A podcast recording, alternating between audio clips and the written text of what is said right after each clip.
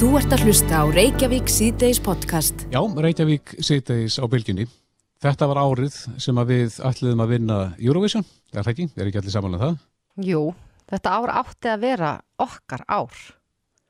Já, akkurat. Og ég er eiginlega samfarið um það að við hefðum tekið þetta ár en, en svo blossar upp uh, þessi pest sem að gengur um heimsbyðin að búa að slá Eurovision út á borðinu.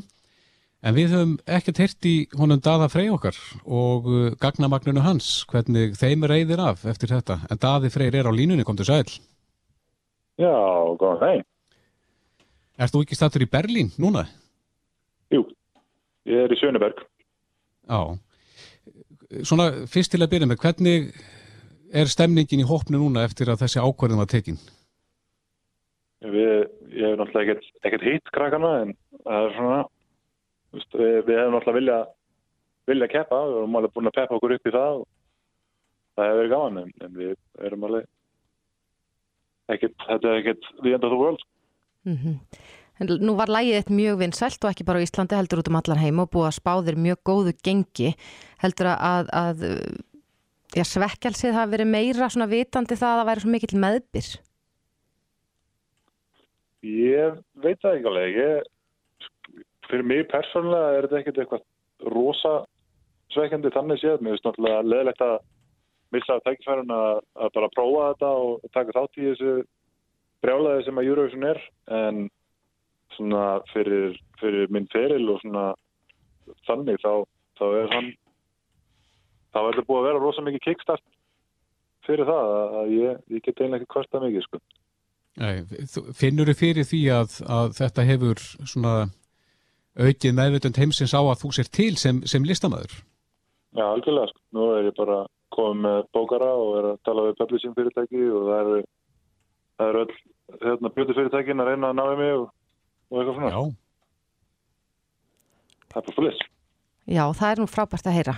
En nú kom í, kom í ljós svona eftir, eftir að þetta, þetta var tilkynnt að Eurovision yrði aflýst að lægið þitt yrði ekki gjaldgengt á næsta ári. Heldur að þú munir koma til með að taka þátt samt í söngvakeppninu aftur á næsta ári til þess að fá að upplifa þetta? Eða reyna það? Uh, nei, ég mun ekki keppa aftur í söngvakeppninu sko. Hvers vegna ekki?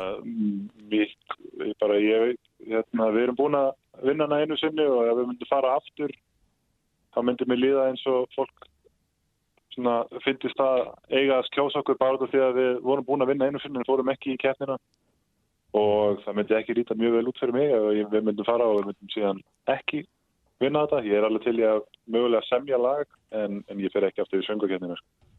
Nei, akkurat.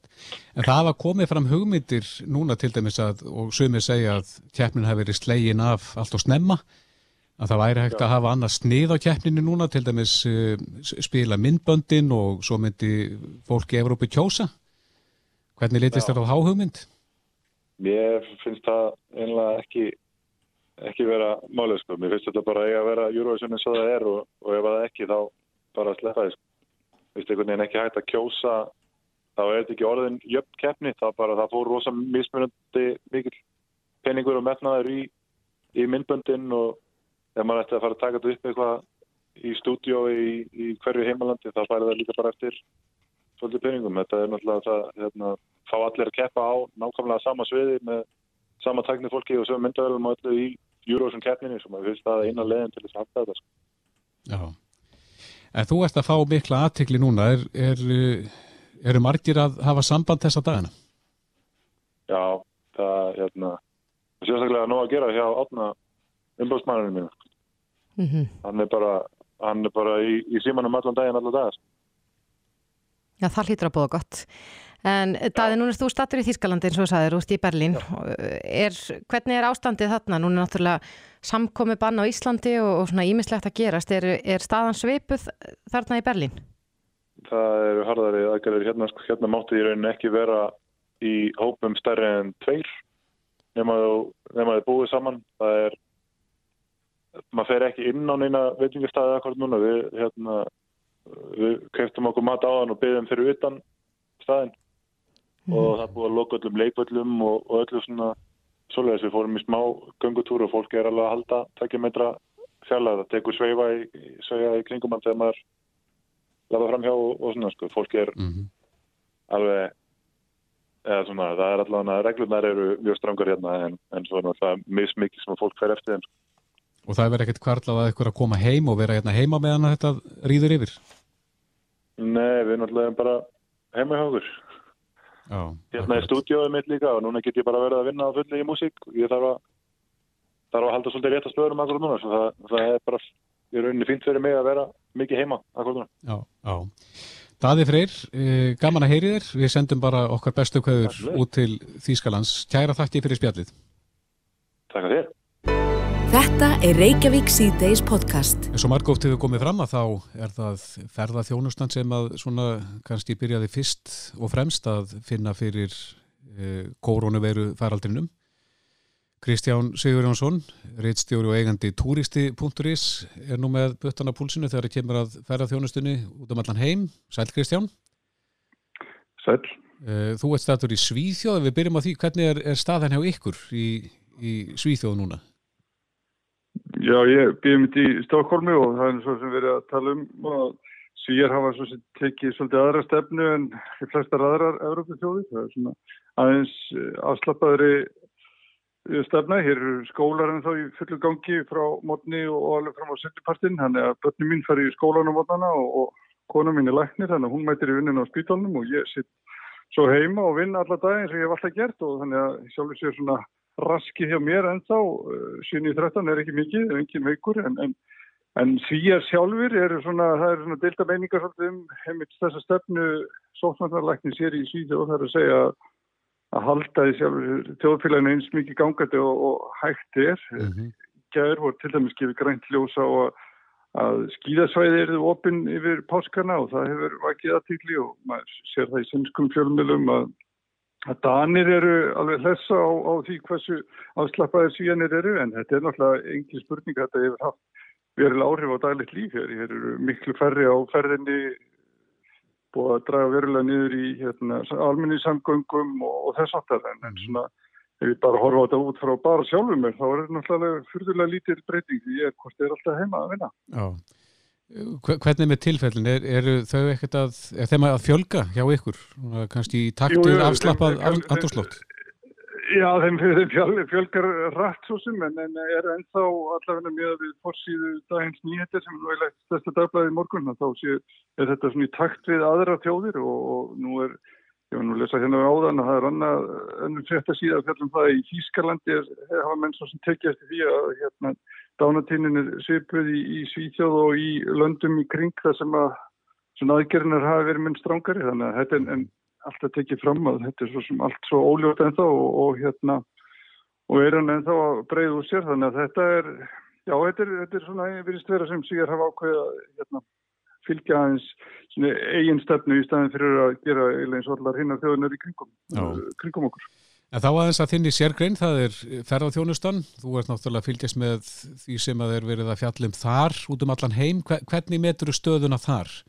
Þetta er náttúrulega bara komið niður fyrir frostmarkið, það ekki?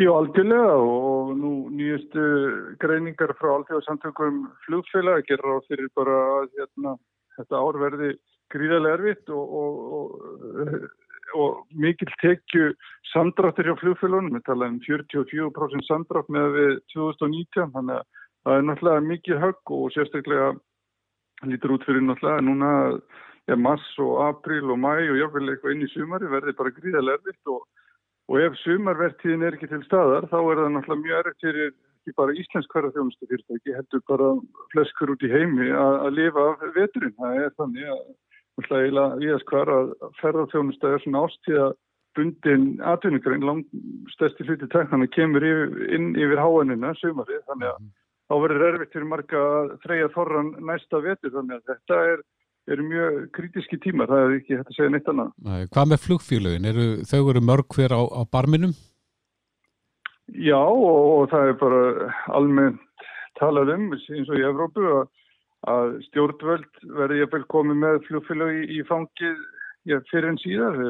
Það þrátt fyrir að flugfélög kannski sé að fá lána ábyrðir og, og til þess að hérna, bæta hjá sér lausafjárstöðuna þá er bara staðan svo að tekinar eru akkurat engar núna en kostnæðurinn er ennþá til staðar þannig að, að það nægir kannski ekki til að hýðu ofinberið sig að taka við starfsmönnum og, og sem uh, hluti af launakostnaði, það nægir ein, einfallega ekki til, það verður að koma eitthvað meira og, og þar að lendi geti ég með mörg flugfélag verið komin í hluti til uh, ofinberið eigu áður en langt um líður en, en svo verður mann bara að hugsa til þess að það er víða þannig að hérna ríkistjórnir eða hefur ofinbæri eigi í flugfélagum. SAS flugfélagi, þar eru svíjar og, og danir með 30% eignu hlut. Finner, finska flugfélagi, finska ríkið er fyrir með 55% hlut í flugfélagi. Hollendingar og frakkar held ég að líka í þessu sammeilagfélagi KLM og Air France, þannig að það er alls ekki eins og þetta sé eitthvað alveg nýtt ef það myndi gerast til dæmis að ríki kemur inn í Æslandi eða það væri ekkit Æslandir eru þar með ekkit akkurat eina fljóðfélagi í Evrópu sem verður að hluta til í opnum bregður. Já, akkurat. Eh, ef við skoðum þessi fljóðfélag á Norðurlandunum eins og Norvítsjan, hvernig, hver er, hver er þeirra framtíð núna á næstu vikum og mánuðum? Já, það verður sem verða flestir uh, greinendur í Nóri og, og og, og maður sér það í umfjöldum bladana að það voru menn svona almennt svart sínir á, á, á stöðuna félag hefur náttúrulega stækkað gríðalega rætt er, er mjög skuldsett og hefur verið í allskynns hérna, já verið í útrás hefur, er ekki bara að gera út frá Skandinavíu heldur er með stór útgerð á Spáni, Ítalíu, Bandaríkjónum voru í Argentínu og er hérna, flug frá mikið til bandreikinu frá Fraklandi og, og víðar. Þannig að það er svona verið að benda svolítið á að, að félagið er laungu orðið sko miklu meira en bara skandinavíst og, og þar leiðandi kannski ekki rétt að, að norsk stjórnvöld séu að hérna að aðstofa félagið yfir erfiðast hellan núna en, en félagið þendur mjög veikt og sem er fyrir okkur Íslandíka svolítið kritist því að við Norrvítsjan hefur verið það flugfélag sem hefur flutt flesta millir Íslands og Spánar og til dæmis nú í vetur hefur félagi verið með, með tíðarferði til Kanaríja og Alicante, Barcelona og Madrid mm -hmm. og var vel eitthvað margir íslætingar sem hafa nýtt þetta en, en ennþá er félagi ekki búið að setja í sölu til dæmis flug til Kanaríja næsta vetur þannig að svona ef mann horfir á stöðu Norrvítsjan út frá fyrir íslenska neytendur og þá er, er það svona áhengjafni af því gefnu að náttúrulega fólk vilji fara á ferðina og nýja leik. Þetta, þetta ástætt náttúrulega dregunum sennilega úr ferðarkliði heimsbyðarnar í einhver tíma. Mm -hmm. En svo stiftir það máli sko hversu mörg flugfjölu verða upp í standandi þegar að viðspilna kemur síðan aftur. Þannig að, þannig að það er, það er jæfnvel betra fyrir þau flugfjölu sem eru þó eh, rekstrarhæfi dag að hafa farri keppinöta þegar að viðspilnan loksins kemur. Já, alveg, alveg klálega og, og og það eru öruglega eitthvað sem menn eru að horfa til segja til dæmis í Æslandi er að kortleggja svolítið hver, hver, hver tækifærin eru ef til dæmis Norvítsjan fellur því að Norvítsjan hefur verið ja, leitt þessa verð þróun í flýjumilli Evrópu og bandaríkjana það er að segja niður og við, fargildin hafa orðið læri, mm -hmm. en svo er það líka fyrir íslenska, íslenska ferðarþjónustu þá skiptir náttúrulega sköpum að, að það séu mörg flugfélög að fljúa til Íslands áfram og ekki bara Æslandi er heldur líka erlendflugfélag því þau búa til eftir spurn og þau eru náttúrulega miklu sterkara markasetja uh, í miklu meiri markasetning og sínu mörgum heldur en Íslensk flugfélag hafa verið með. Þannig að við höfum séð það alltaf aftur og aftur og þegar erlend flugfélag eh, hefur flug til Íslands og fjölgar ferðarmennum frá viðkomandi svæði mjög mikið. Þannig að það skiptir náttúrulega sköpum og, og það er það vonandi eitthvað sem stjórnvöld sem eiga náttúrulega keflækuflugvöld og Ísafja leiða hugan líka það er að segja að við hérna passum upp á það að við fælum ekki flugfélagum frá þegar þau standa kannski á bröðfottum í, í sumar og alltaf taka frá hann nýja og við já, stýðjum við það, við, það, við það flug. Já, akkurat. Kristján Sigur Jónsson, uh, rittstjóri og eigandi turisti.is. Kæra þakki fyrir þetta og bestu kvæðu til Svíþjóðar. Takk sem leiðis. Hlustaðu hvena sem er á Reykjavík C-Days podcast. Já, Reykjavík C-Days á bylgjunni. Eh, það kemur nú póstur til okkar á hverjum einasta deg og frá mörgum aðeilum, en það er eitt póstur frá borginni sem mér finnst svona, svona pínulíti vor hljóði. Nú. En hérna segir malbyggað, hellulagt og gróðusett á hlýðarendasvæðinu. Þannig að þegar maður er farin að fá svona póst, þá segir það manni að vorið sé á næsta leiti. Já. En e, það verður hafist handa við að ganga frá yfirborði í hennu nýja hverfi á hlýðarendasvæðinu í kringum næstu mánamót. Þau eru bara breyst á. Já, mist það frábæst. Já, en e, það er margir sem að býða eftir vorinu, svo sannarlega. En ástandi er eins og það er. Það var haldinn fundur í dag hjá þrenningunni, alamannavarna þrenningunni og, og þar var meðalans uh, komið inn á þessa pinna sem að verið er að rannsaka hvort að dugi uh, í það verk sem að þeim er ætlað. Mm -hmm. Á línunni er Karl G. Kristinsson, hennum professor í síklafræði og yfirleiknir á síkla og veirufræði til landsbytalans. Komdu sæl? Já, komið sæl. Við byrjum aðeins á þessum pinnum sem er verið að gangu skuggum að, að dugi í þetta verkefni að, að hérna, stíma fyrir veirunni og prófa. Hvað, hvað þurfa þeir að, að uppfylla til þess að þeir séu gjaldgengir? Já, það eru nokkur atriði. Það eru fyrsta leið þurfa þeir að uh, passa vel til sínatöku, bæði um nefnkokki og, og í hálsnum. Og þau þurfa að vera efnum sem er ekki of hamlandi fyrir kjarn fjölfölduna kvarfi sem er notað til þess að greina veruna í, sem að erum að leita að. Mm -hmm. og þetta eru þá með uh, aðlandri verðandi pinnana en svo þurfum við líka að setja þá í vökva sem að heldur pinnanum og veirunum í, í lægi þangað til að þau koma á greiningastadin og uh, venjulega eru notu svo gotið flutningssæti sem eru þróið og uh, sett í versmiðum í, í, í glösin en við erum ekki tækið fyrir til að gera slíkt þannig að við erum að nota bara hefbundin döðrissu glös sem er þá bara með svo, svo gullum buffer, á, ákveðin tegunda buffer sem að, á að halda sínunni í lægi þannig að það kemur á rannsóknarstofuna. Mm -hmm. En segðu mér núna, það kom fram í fréttum í dag að uh, össurætti, eða fyrirtækið ætti um 20.000 pinna.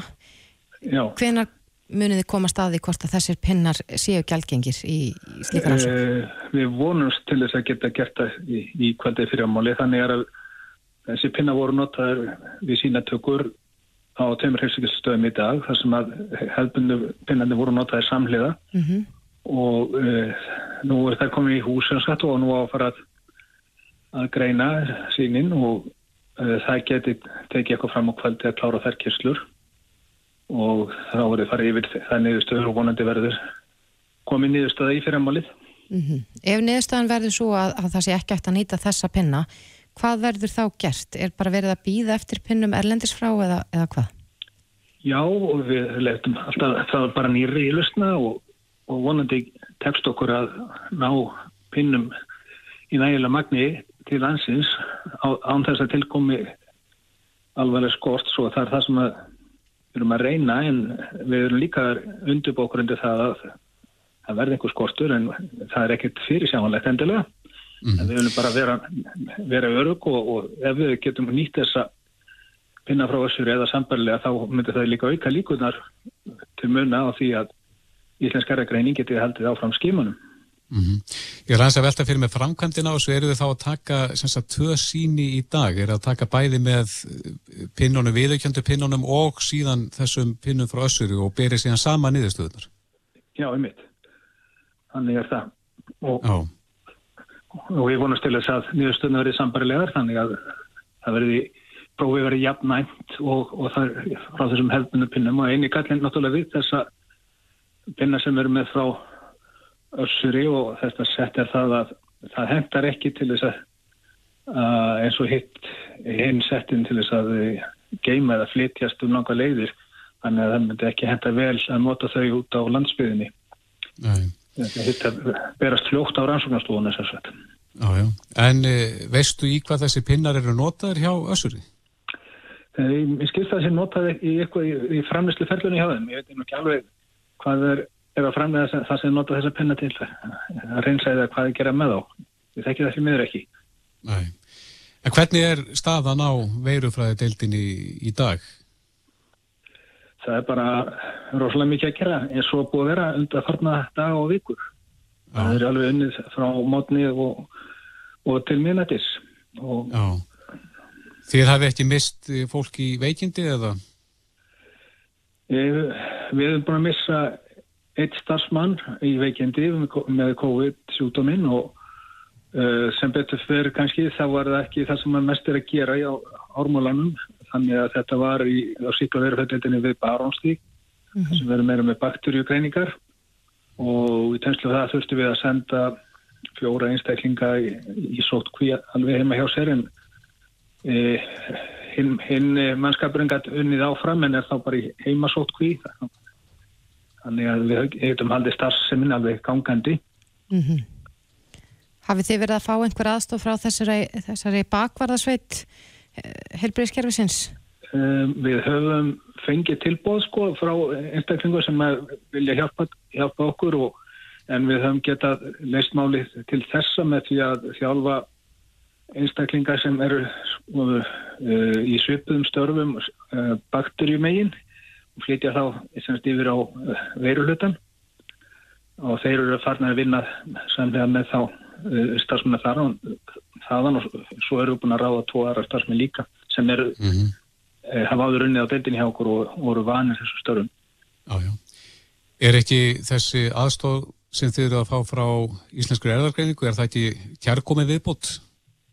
Það er svona aðalega viðbót sko, við greiningargetunum í landinu þannig að þeir eru ekki rögt að síni uh, frá okkur beint en eins og við veitum þá er að bjóða sem sagt landsmunum upp á þessa þjónustu og það veitir gríðarlega vermaðar upplýsingar fyrir eh, sóttvarninnar í landinu og eh, þarfur utan erum er við samstarfi er, náttúrulega með það við, við látum öll í ákvæðu sínin sem við greinum mm -hmm. til íslenska eragreiningar til þess að hægt sé að raðgreina þær og uh, þannig að það veitir ennfrekar upplýsingar um, um smitleiðir og, og upprunna smits Mm -hmm.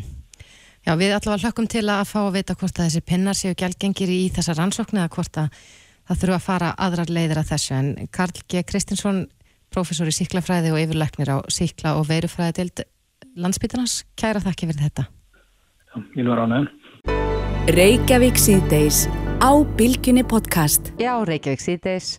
Núna eru líkamsrættastöðar lokaðar og fólk er farið að huga því hvernig það getur rækta líkam á sál annarkort heima hjá sér eða úti í náttúrunni og ég mhm. rakst á svolítið skemmtilegt átak sem er í gangi núna sem heitir Hlaupum kringum nöttin. Já. Þetta er sem sagt eh, átaksverkefni í raun og veru núna til þess að eh, bara rækta andlegu hliðina mm -hmm. þegar að margir eru fastir í einangrunni eða sóttkví eða bara einfallega ekki mikið að fara út á meðal manna og þetta snýst sem sagt um það að fólk fer út að hlaupa skráir fjöldakílometra sem það hleypur inn á þessa síðu mm. og saman ætlum við að hlaupa kringum hnöttin. Nún er komin 5% af vegalengdinni. Það er svolítið eftir. Já, og við erum stött í London og, og já, þetta er alltaf mjög áhugavert. En á línunni er Steinar Þór Ólafsson, einn af þeim sem að er að baki þessu. Sæl og blessaði Steinar. Heil og sæl. Herði, segð okkur aðeins frá þessu. Hva, hvaðan kemur þessu hugmynd?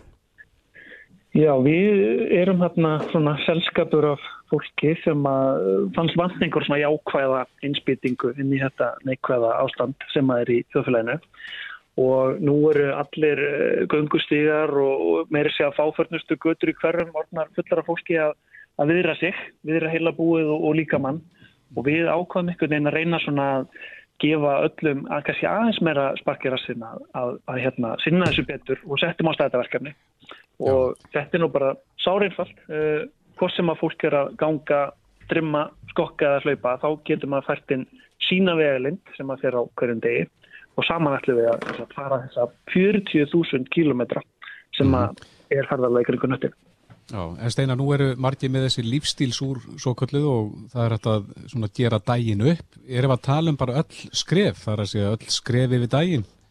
Já, það er í búði. Það er bara meira velkomið að setja þau öll inn. Ef, ef maður er hérna í ymsum einhverjum útryttingum að taka þetta saman á kvöldin og færa það inn. Uh, og hugmyndin einhvern veginn upplegið í þessu er að við erum sko ekki að keppa gegn hvert öru. Þetta er ekki keppni sem að snýst út það að fólk er eitthvað að skipta sér upp í lið. Við erum, við erum að gera þetta saman og, mm -hmm. og mhm. það er svona einhvern veginn eins og við erum að takast á þennan veru skratta. Ég, ég mun ekki koma okkur í kringum nöttin eitt. Við þurfum öll að leggja einhver lítið loða á voðaskálunar.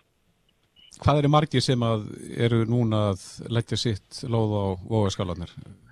Þetta er svona um, um 400 manns komin eins og er en það hefur verið að bætast mjög rætt í, í dag. Við settum þetta í loftið í gerðkvöldi og og þá eru ansið fljót komin til þóssafnar í færiðum svo strax um, svona, í morgun voru við, voru í Glasgow og, og þar var allar knæpur lokar þannig að við heldum bara áfram og eru núna rétt og komin til London. Þannig að þetta meðar svona ágætlega að það er nóg eftir Já, mér sýnist hérna að samkvæmt nýjastu tölum erum við komin til London, ég nefnilega er, er að taka þátt í þessu þannig að okay. ég er búin að skrá inn mína kílometra en við erum komin til London og næsti áfangastæður er París eftir 315 kílometra Já, flott.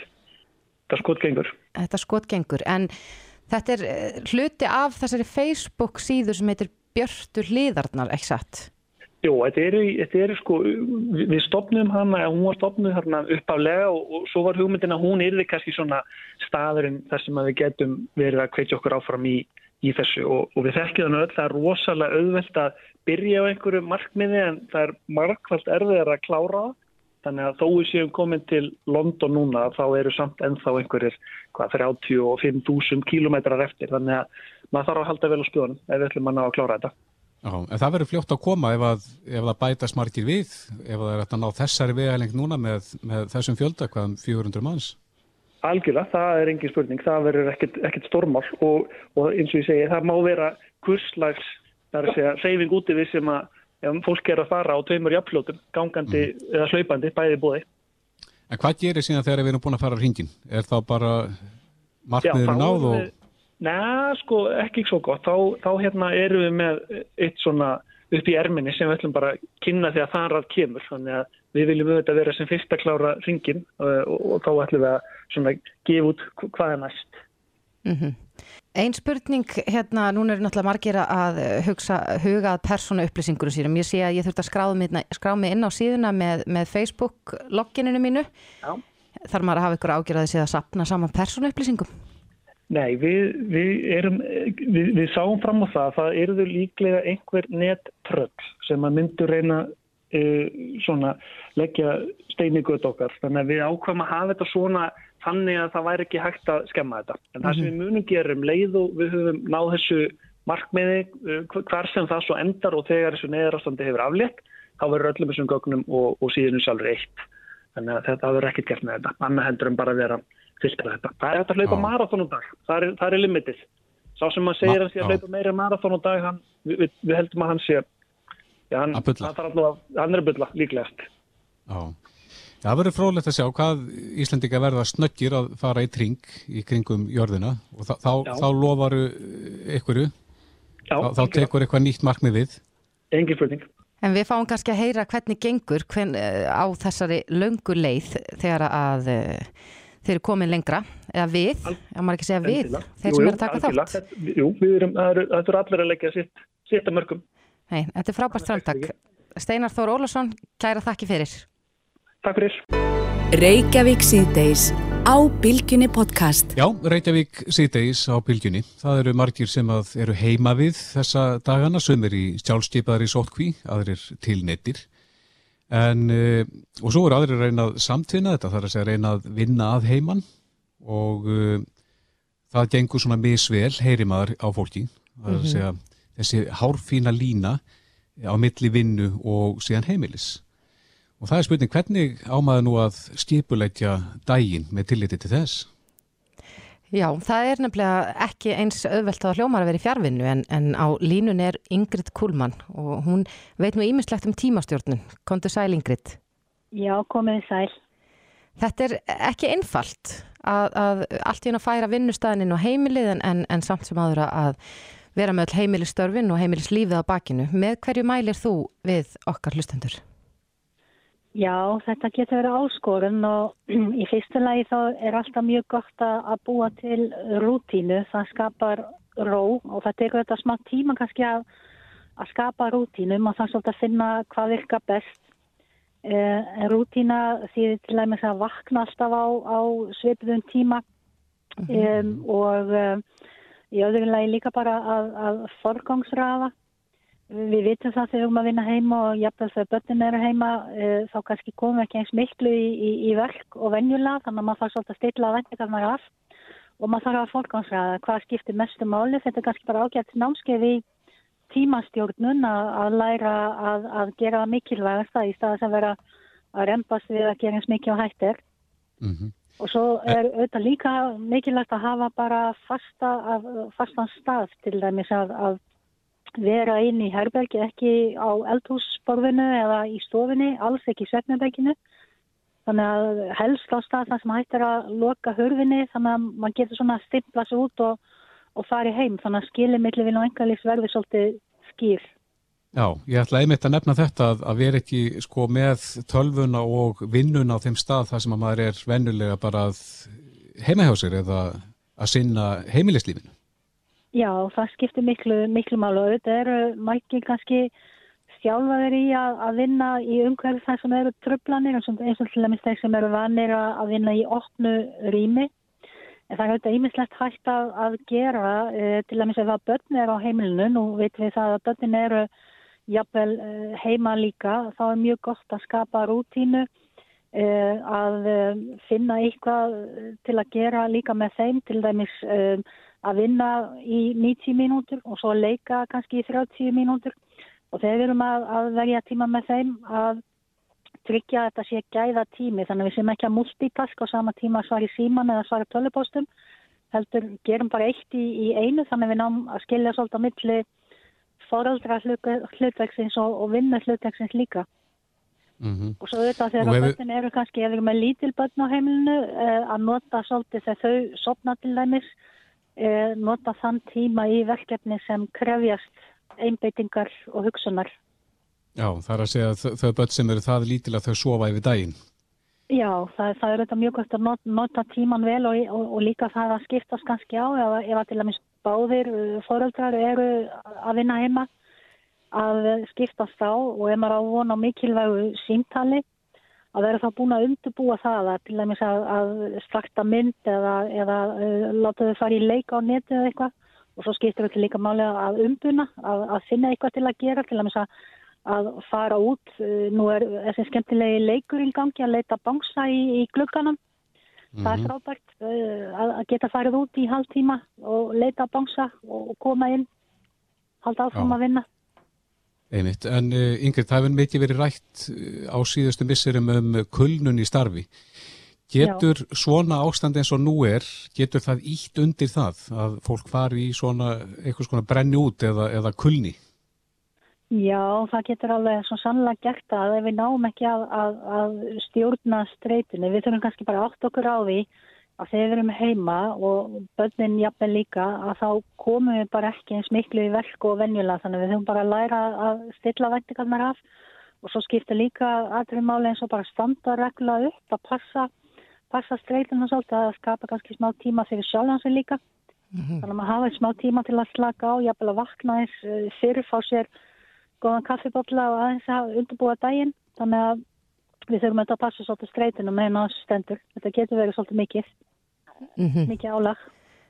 Já, það getur verið það og núna hefur maður oft heyrt fólk tala um að búa sér til verkefnalista eða skrifa niður þau verkefni sem maður ætlar að sinna til þess að, að kannski halda betur utanum vinnudaginn þegar maður er ekki vinnunni. Mm. Það er mjög góð hugmynd að skrifa niður verkefni sem maður ætlar að vinna þennan dag en ég mælu oft líka með því að gera svona hægt að gera lista eða not to do lista það er kannski ímiðsverkefni sem við getum ekki synd í þessum aðstöðum sem við þurfum bara að falla að sletta að fresta. Þannig að það er líka svolítið gott að velta því fyrir sér og eins og ég nefndi að hana að gera svolítið raunhævar vendingar, við gerum kannski aðeins minna en við þurfum kannski að fólk kannski mhm. aðeins betur. Já, akkurat. Þetta eru fín ráð, Ingrid Kúlmann ráðgjafi hjá Þekkingamilun Kæra þakki fyrir spjallið. Bara takk sem við leiðis Þetta er Reykjavík C-Days podcast. Reykjavík C-Days heldur áfram og nú er mikið búið að vera fjallað um fjárvinnu og fjárfundi og, og fjár ímislegt, fjár líkamsrekt og, og ég veit ekki hvað og hvað. En það er annað sem er áhugavert í þessu er, er að það er hægt að fara á fjárfundi með sérfræðingum eins og sálfræðingum og, og öðrum slíkum. En íslenska nýsköpunafyrirtæki Karakonnect býður upp á þessa þjónustu og er sem sagt með forrit til þess. Að tengja sama þá sérfræðingana og, og viðskiptavinni. Já, hægt að, hægt að bóka tíma þá í gegnum fjárbúnað já, já. og eh, ég get nú ekki sagt svo mikið frá þessu en á línun er Þorbjörg Helga Viffúsdóttir, framkvæmdastjóri Karakonnect, kom til sæl. Sælblessuð. Hvernig virkar þetta hjá ykkur? Já, þetta er sko, forrið, vinnustöð í rauninni fyrir alla þá sem er að þjónusta aðra með hjálp eða stuðningi, til dæmis eins og salfræðingar eða talmennafræðingar eða sérfræðilagnar og allskynns hérna, gott fólk sem er að hjálpa öðrum. Og í, sko, þeir nota forriði eða hugbúnaðin til þess að vera með örug samskipti, öruganetfundi og skráningar, allt samkvæmt fyrirmælum landlæknis. Og við hjálpum þeim líka að nýta bara þessu nýjustu tækni tól til þess að gera starfiðara innfaldra, þessuna stafræna starfiðara eins. Mm -hmm. Nú þekkjum við til dæmis eins og Skypeið og, og uh, Messengerin þar sem að fólk er að tala saman í, í myndamilli en, en uh, hver er svona helsti munurinn? Það er í rauninu öryggið og það tengist allt saman í skráningar. Þannig að þegar að fundurinn er búin þá er það skrásett eftir kunstarnarreglum og geimt í dulkóðu svæði á réttum hérna, gagnagrunnum og öll þessi krafa sem við viljum að passi, allir passi upp á þegar við erum í heilbríðistjónustu eða velsræðstjónustu. Mm -hmm. Að þessi allt skráð með réttum reglum og undir réttu örgi. Mm -hmm. Þannig að það er svona stóri munur en svo er, svo er bara þessi sérfræðingar allir daldið í gamaldags hefbundnum störfum að, að ringja og nota pennablað og, og þetta er svolítið svona komin tíma á að hjálpa þeim að uppfara vinnustöðuna sína. Mm -hmm. Svolítið í takt við tímar kannski. En Já. núna eru vissulega sérstakir tímar allstaðar, allstaðar í heiminum. En hefur verið mikil aukning á, á notkunna ykkar þjónustu? Já, vinnu minn saði nú við mig um daginn að það, það þurfti hamfarir til að þau tækið eftir ykkur. Mm. En það er smá þannig, við erum alltaf bara, það er alveg brjálega að gera og mjög mikil aukning og, og mjög mikil jákvæðni og þessi sérfræðinga segja segja að þeir hafa bara hafa komin tíma á þetta en núna verði þeir bara. Þannig að við erum bara fulla að hjálpa þeim að koma sér í gang og þetta er frekar einfalt þannig að þeir þurfa kannski bara stundum aðeins smá svona stapp í stálinn og svo er þeir bara að byrja þér. Þannig að mm. þetta er, þetta er ótrúlega einfalt í raun en það er öðruvísi samskipti sem allir þurfa að venjast aðeins. Já, en getur þú nefnt okkur dæmi um uh, fagfólk sem er að nota þetta? Er jafnvel fólk að nota þetta sem að mann hefði ekki dótt í huga? Gæti verið með svona fjárfundi? Já. Já, örglega. Ég menna fyrir utan svona hefðbundi þessu salfræðing og þá sem er í heilbrist eftir þessu lækna að þá er S.A.A. að nota hverju og tala við sínaskjálfstæðinga. Það eru næringafræðingar og talmannafræðingar og, og allskynns svona sérkennslur áðgjafar. Eh, það eru hérna, félagsráðgjafar út í, inn í sveitafélunum er að nýta sér þetta til að ná í þá sem eru einmanna eða þurfa að hjálpa að halda og það verður alveg hellingur af þessum verkefnum núna eftir þó að þetta klárist nú allt vonandi fljótt hjá okkur að þá verða margir sem sitta sárir eftir mm. og þetta nýtist mjög mikið til þess að bæði stitta ferðatíma og stitta samtölinn sjálf eins og því að við reykjum ykkur á að þá, þá nýtir maður tæknin einhvern veginn betur tímalega sé. Einmitt. Eh, er eitthvað um það að heimilisleiknar sé að nota þetta? Þar sem að fólk getur jafnvel sínt einhverja eksembletti eða, eða slíkt í gegnum svona búnað? Já, það er svona að byrja. Helsugjallistöðun hafði reyða vaðið og er byrjuð að bjóða sínum skjólstæðingum eða sínum íbúðum upp á helsugjastli gegnum Körukonekt. Svo eru sérfræðilegnar út um alla, allan bæ að byrja bara síðustu dag. Þannig að það er hægt að heyra í læknunum sínum þó að það sé hálfgjert útgöngu banna á okkur. Að þá er ekkert mál og ég hvet bara Íslandíka til þess að aðtöku hvort þið get ekki náði sitt fólk svona. Mm -hmm. Það er svona kannski mikilvægt að segja að þetta er svona öðruvísi en flest allir, eða bara lang flestir eru þrökkar hissa hvað þetta er þægilegt og örugt. Þannig að það er um að gera bara að prófa. Mm -hmm. En þetta, Karakonnekt, þetta er ekki einungis á Íslandi. Er þetta bara í bóði hér eða, eða hafið farið með þetta erlendis líka? Við erum með vinnustöð í Danmurku líka og svo eru notundur bara eiginlega detta inn í flestum löndum í kringum okkur, Svíþjóð, Danmörk og Norröður og Belgia mjög mikið. Og svo vorum við að sjá skráningar í Hollandi og Þísklandi og svo vorum við svona aðeins að kíkja á Breitlandsmarka núna, það er bara svo rosalega læti og óskipilega þar núna, ég veit ekki hvað, hvað er hægt að gera til að hjálpa en, en hérna við erum að skoða það líka. Þetta er rauninni bara forrið sem þú getur bara sko náði í þetta hérna vafra og þú getur bara að byrja sjálfur þannig að mm -hmm. það er þarf ekki að ná í neitt mikið Þorbjörg, við erum að heyra fyrirtæki sem er í kröggum náttúrulega í ákveðnum geirum samfélagsins en Myndur þú segja að þið væruð að, að svona blómstra pínliti núna? Það er, er uppgangur hjá ykkur? Já, við hefum svona aðeins sagt að við erum svona eins og hækjusmiðir í stríði, við erum bara að hjálpa til og þá eksta sjálfsög þörfin og við, við lítum þetta á, á þetta sannarlega sem tækifæri að hjálpa fólki til þess að skipta um vinnubröð og koma sér aðeins inn í nútíman og um leið bæta aðgengja þessum sérfræðingum fyrir íbúana sem eru fastir heima. Já, Þorbjörg Helga Vigfúsdóttir, framkvæmdastjóri Karakonnect, kæra þakki fyrir spjallin. Takk fyrir það og gangi ykkur vel. Reykjavík síðdeis á Bilginni podcast. Já, núna eru flestir fóreldrar að huga því hvað maður á að gera með börnunum sínum á daginn þegar það er minna um skóla og leikskóla. Mm -hmm. En ég sá hópa á Facebook sem heitir fjölbreytta kennslaðaferi fyrir krakka og þetta vakti áhuga minn vegna þess að auðvitað er maður sífælt að ég reyna að gera eitthvað uppbyggilegt ekki bara verið í spjaltölfu Og í hverju félagst þessar fjölbreyttu kjenslaðaferðir? Já, þetta er bara ímiskona námsefni fyrir börn á, á öllum aldri en á línunni er hún... Í gegnum netið, fyrir ekki? Já, bæði, en á Já. línunni er hún Hlín Magnúsdóttir kennari sem að heldur utanum þennan hóp, kom til sæl. Sæl. Já, þessi hópur er orðin ansi stór. Já, hann er það.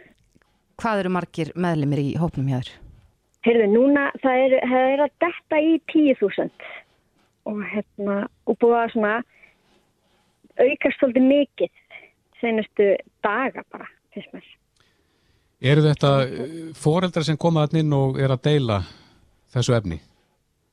Sko, já, núna upp á síðkastu þá hafa það svolítið verið foreldrar sem er að koma og, og næla sér í efni hjá mér. Uh, ég er búin að vera með þessa síðu núna í þrjú ár og þetta hefur aðalega verið bara svona starfsskóla, bæði leik og grunnskóla sem er að sækja, sækja sér efni.